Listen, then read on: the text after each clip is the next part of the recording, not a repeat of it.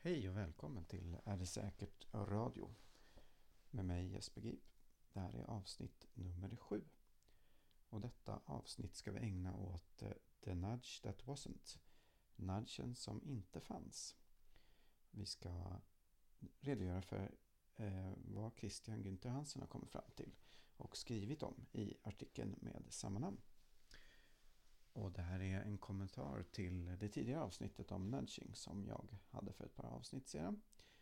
Ehm, men innan vi går in på själva innehållet så vill jag säga att det här skulle egentligen varit en intervju med Christian. Och jag gjorde faktiskt två intervjuer med honom om detta. Men på grund av min tekniska inkompetens så lyckades jag inte få till intervjuer som gick att publicera i detta forum. Det var olika tekniska problem.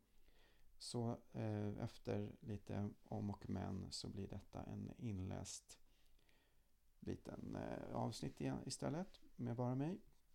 Ni får stå ut eh, och jag vill passa på att tacka Christian så hemskt mycket för att han hade tålamod med mig och ställde upp på hela två intervjuer som dessutom inte till slut blev någonting. Så, men Christian Günther Hansen heter alltså eh, han och han har skrivit artikeln som heter The Nudge That Wasn't. Och eh, den handlar om organdonation och opt-in opt-out som alltså är en faktoid. Det finns inte och det här ska vi redogöra för. Hur det här har kommit sig och vad det handlar om. Men innan vi går in på själva innehållet så vill jag säga att Christian han kan man komma i kontakt med via Christian Hansen hotmail.com och Christian är utbildad beteendeekonom och eh, håller just precis på att starta upp en konsultverksamhet kring beteendeekonomi och nudging. Och man kan också hitta honom på Facebook eh, via Facebookgrupperna Nudging Sweden eller The Swedish Nudging Network som du kan söka upp. Och eh, gå med i om du är mer intresserad av nudging och då också komma i kontakt med Christian. Och vill man läsa hans artikel här som jag redogör för så är det lättast då att ta kontakt med Christian. Så kan du få tillgång till artikeln. Och då är det på följande vis att när Christian eh, skulle hålla ett föredrag om nudging så höll han på att undersöka lite referenser, bland annat kring frågan om organdonationer och opt-in, opt-out, alltså systemet med att antingen tvingas tacka ja till att vara med i något eller att tvingas tacka nej till någonting. Vilket då eh, har stor inverkan i flera fall, finns det belagt. Men när han skulle skriva om det här och redogöra för det här så, och letade efter referenser till det så hittade han helt enkelt inga. Och det här har han skrivit en artikel om. Och då visar det sig att det är på det viset att själva grunden till det här missförståndet är faktiskt att hitta i Richard Thaler och Cass Sunsteins grundläggande verk Nudge. Där de tar upp den här frågan som en hypotes. Ehm, och då är det alltså inte någon forskning bakom det här utan det tas upp som en hypotes att det skulle kunna vara så att eh, om man omformulerade frågan så skulle man få ett större deltagande i organdonationsprogram. Och grunden i sin tur bygger på att man i det amerikanska systemet med körkort och körkortsförnyelse då måste man ta ställning till en fråga just om organdonationer. Och så som det var formulerat, eller är formulerat, så ska man då kryssa i rutan att ja, jag vill bli organdonator. Och då var deras tanke så här, eller deras hypotes, att om man la till att man kunde välja antingen ja eller nej, då så tänkte de sig att det var större chans att fler tackade ja till att bli organdonatorer. För om man frågar människor så framstår viljan att vara organdonator som mycket högre än det reella antalet eh, människor som faktiskt kryssar i att man vill vara organdonator. Och då var det alltså en hypotes från deras sida. Så småningom så gjordes en eh, studie och en artikel av Johnson och Goldstein.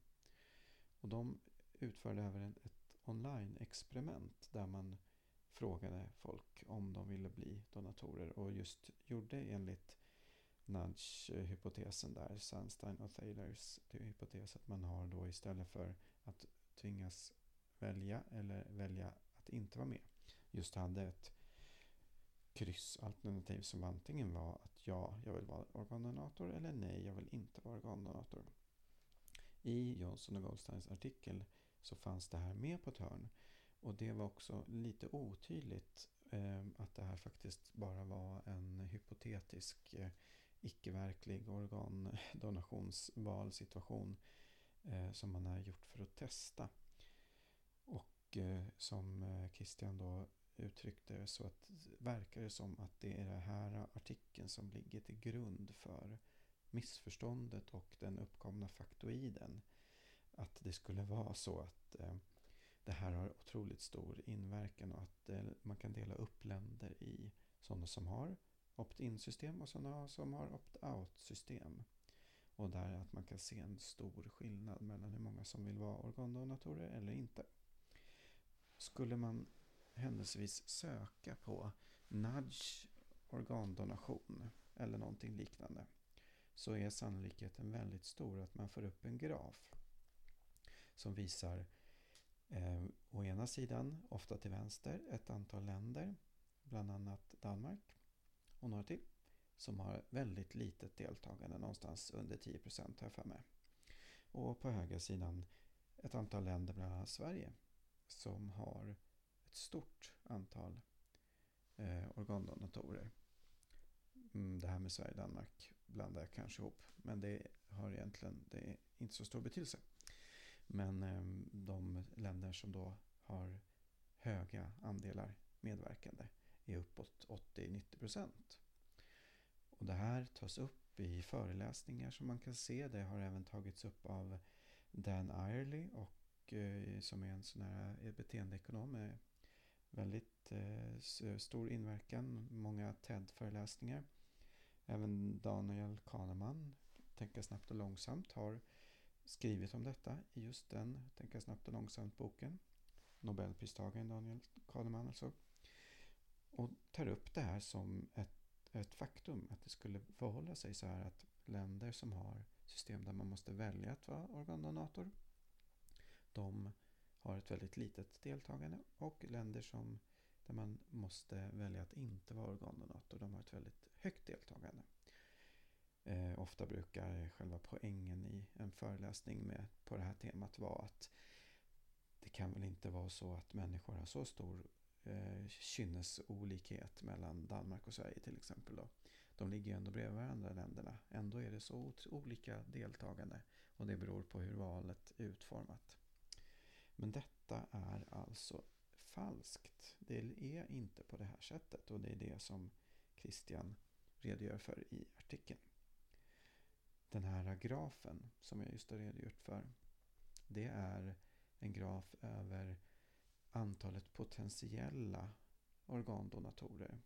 Och till exempel som i Sverige så är Sverige i, i ja, vad ska man säga, i teorin ett opt-out-land. Du måste aktivt eh, säga till att du inte vill vara organdonator för att man i systemen ska skriva in dig som att du inte vill vara organdonator.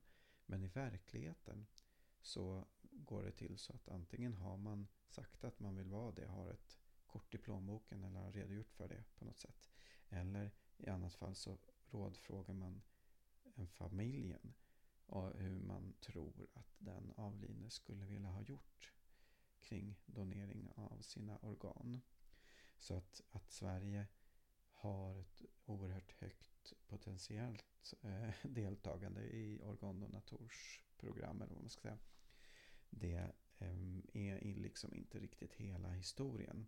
Och en del av det här missförståndet handlar också om att man har olika system. Men de amerikanska författarna eh, har nog inte riktigt betänkt, tänker sig Christian, att det är olika system. I USA har du ett system där man aktivt måste kryssa för det här i varje gång du förnyar ditt körkort.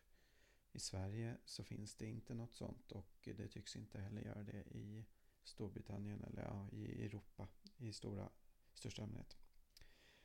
Så att eh, det, det, liksom, det, det finns ingen substans i den här eh, tanke, tankefiguren att eh, organdonationsprogram har den här stora inverkan.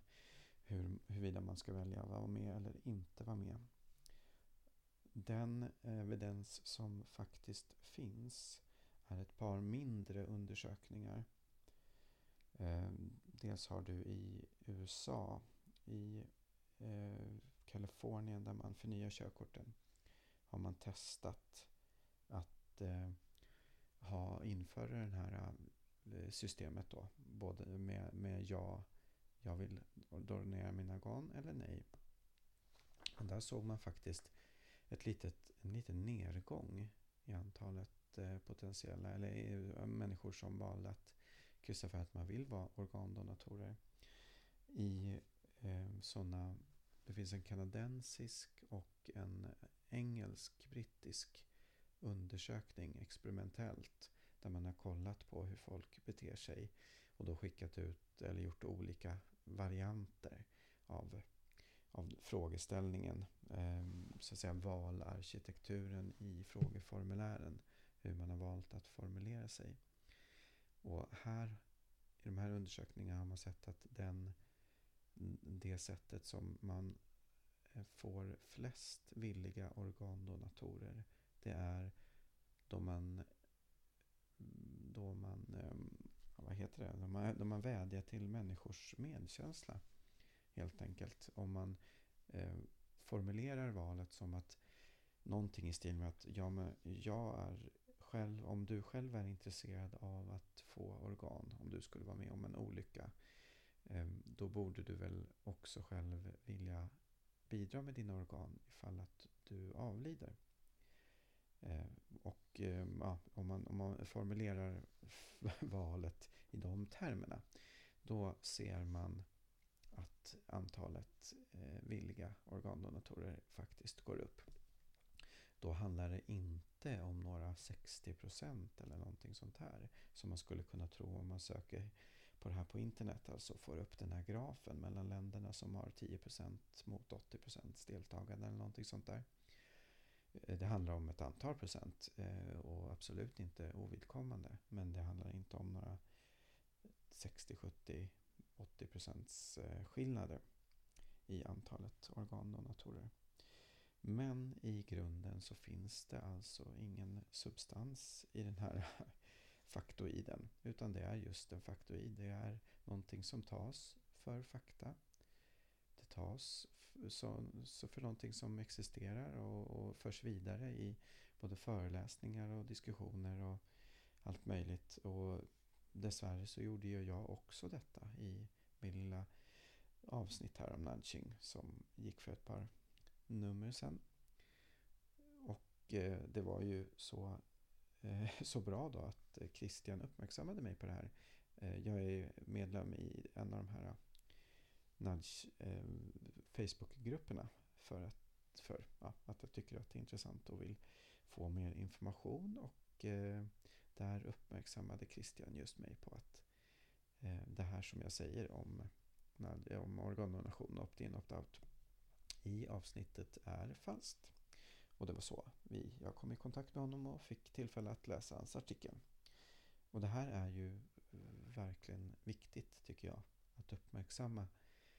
För att eh, det är oerhört viktigt att komma fram till hur saker fungerar på riktigt eh, i vår värld om man ska tänka sig att forskning är bra, någonting som gör att vi förstår mer om världen.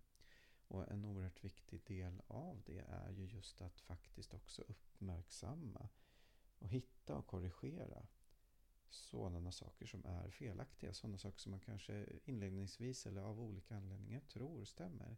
Eller har anledning att tro stämmer. Eller man ser att det finns någonting här. Eller rena missförstånd. Men att uppmärksamma felaktigheter eller feltolkningar det är mm, om inte lika viktigt, ja men nästan viktigare på sätt och vis eh, att uppmärksamma och korrigera än sånt som är rätt. Det värsta som kan hända ett forskningsfält eller ett område är just att felaktigheter får kvarstå och föras vidare. Eh, det betyder helt enkelt att man far med osanning. Så där eh, är jag väldigt tacksam för att jag blev uppmärksammad på och att jag fick tillfälle att redogöra för här i detta avsnitt. Så jag tackar än en gång Christian för att eh, du uppmärksammade mig på det här och eh, att han eh, hade tålamod med mig med min lilla tekniska problem.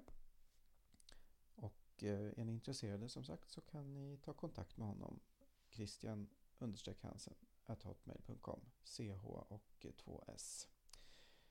Och eh, med mig kan man komma i kontakt med via Gmail. Är det säkert i ett ord utan prickar att gmail.com. Det går också att eh, läsa bloggen är det säkert.blogspot.com som avhandlar liknande frågor som detta poddradioprogram som alltså handlar om samhällsvetenskaplig teori, vetenskapsteori också förhoppningsvis och kanske lite riskhantering. Och med de orden så tackar jag för den här gången och eh, önskar på återhörande. Tack så mycket.